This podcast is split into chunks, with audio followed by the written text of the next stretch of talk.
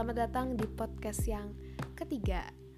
Gue akan membahas tentang teman. Kita sebagai makhluk sosial setidaknya punya satu teman kan? Dimulai dari arti teman. Menurut gue teman adalah orang yang punya ikatan sama kita. Jadi bukan berdasarkan intensitas ketemu, intensitas ngobrol, intensitas chat. Tapi ya temen tuh kualitas ikatannya maksud ikatan tuh jadi kalaupun lu jarang ketemu sama temen lu jarang ngobrol jarang chat tapi lu masih anggap seseorang sebagai teman karena adanya ikatan antara kalian biasanya kita ketemu temen tuh karena satu lokasi gak sih? Contohnya satu sekolah, satu kampus, satu tempat kerja, satu komplek atau satu organisasi gitu. Nah, biasanya seseorang tuh bisa dibilang teman karena kita merasa nyambung sama dia atau bisa dibilang satu frekuensi. Tapi nggak jarang loh, teman kita tuh nggak satu pendapat sama kita. Teman kita tuh nggak selamanya punya sifat yang sama sama kita. Malah menurut gua lebih asik ketika beda-beda sifatnya. Seseorang tuh dibentuk salah satunya karena faktor lingkungan. Dan lingkungan tuh sebagian besar dari pergaulan. Pergaulan identik dengan teman. Jadi gak bisa kita pungkiri kalau temen tuh memberi pengaruh yang lumayan besar terhadap kita. Menurut gua, temen tuh adalah seseorang yang patut kita syukuri. Karena kalian sadar gak sih, ketika kita lagi dapat nilai jelek, kita ngeluh ke teman. Pas kita lupa bawa duit, yang minjemin teman. Kalau diomelin orang tua, curhatnya ke teman. Kalau sakit, temen yang jenguk. Kalau berantem sama pacar, temen yang jadi tempat curhat. Kalau lagi sedih, galau, marah, seneng, yang dengerin ceritanya temen Temen tuh kan gak selamanya sesuai dengan yang kita harapkan. Ada aja kebiasaan teman kita yang mungkin membuat kita gak nyaman. Atau perilaku temen yang menurut kita kurang baik. Dan ketika kita nerima-nerima aja, ya itu yang menurut gue disebut temen. Suka denger atau ngomong kayak gini gak sih? Dia tuh nyebelin deh, tapi mau gimana lagi, dia teman gue. Nah, seperti yang gue bahas di awal, ya temen tuh soal ikatan. Jadi ketika temen lu memiliki kekurangan ya lu akan tetap menerima karena dalam pertemanan itu ada ketulusan dan menghargai. Mau apa pun kondisinya dia akan memikirkan tujuan terbaik buat kita. Gue gak akan bahas temen yang bener tuh seperti apa karena pertemanan tuh jenisnya macem-macem dan tergantung orangnya seperti apa tapi kalau kata gua, ketika kita nyebut seseorang sebagai teman, ya ketika orang tersebut tulus dan punya tujuan baik buat kita. Menurut gua teman tuh otomatis tahu kita seperti apa. Gua mau bahas tentang istilah teman palsu nih, atau familiarnya disebut fake friend. Fake friend tuh gak ada kalau kata gue Ya, kalau palsu bukan temen dong namanya. Fake friend tuh biasanya tercipta karena awalnya temen nih. Terus tiba-tiba ternyata dia jahat atau munafik atau mengkhianati lah.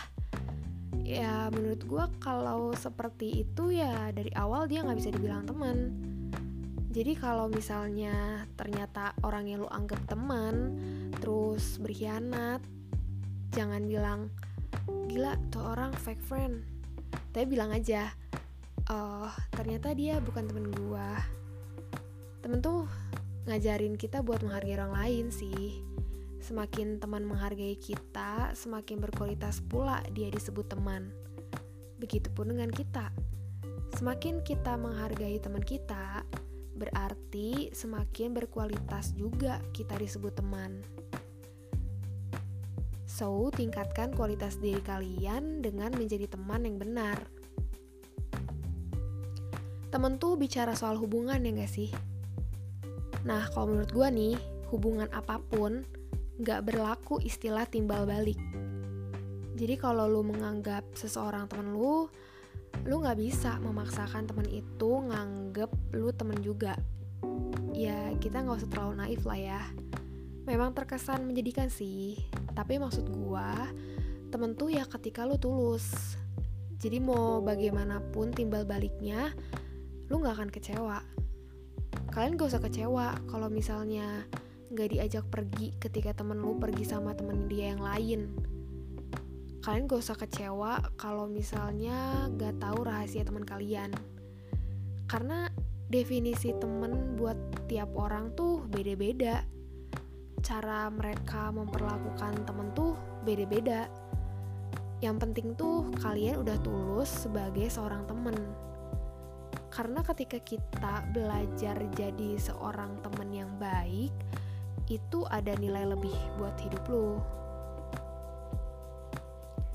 Gue mau bahas sedikit nih tentang temen yang toksik.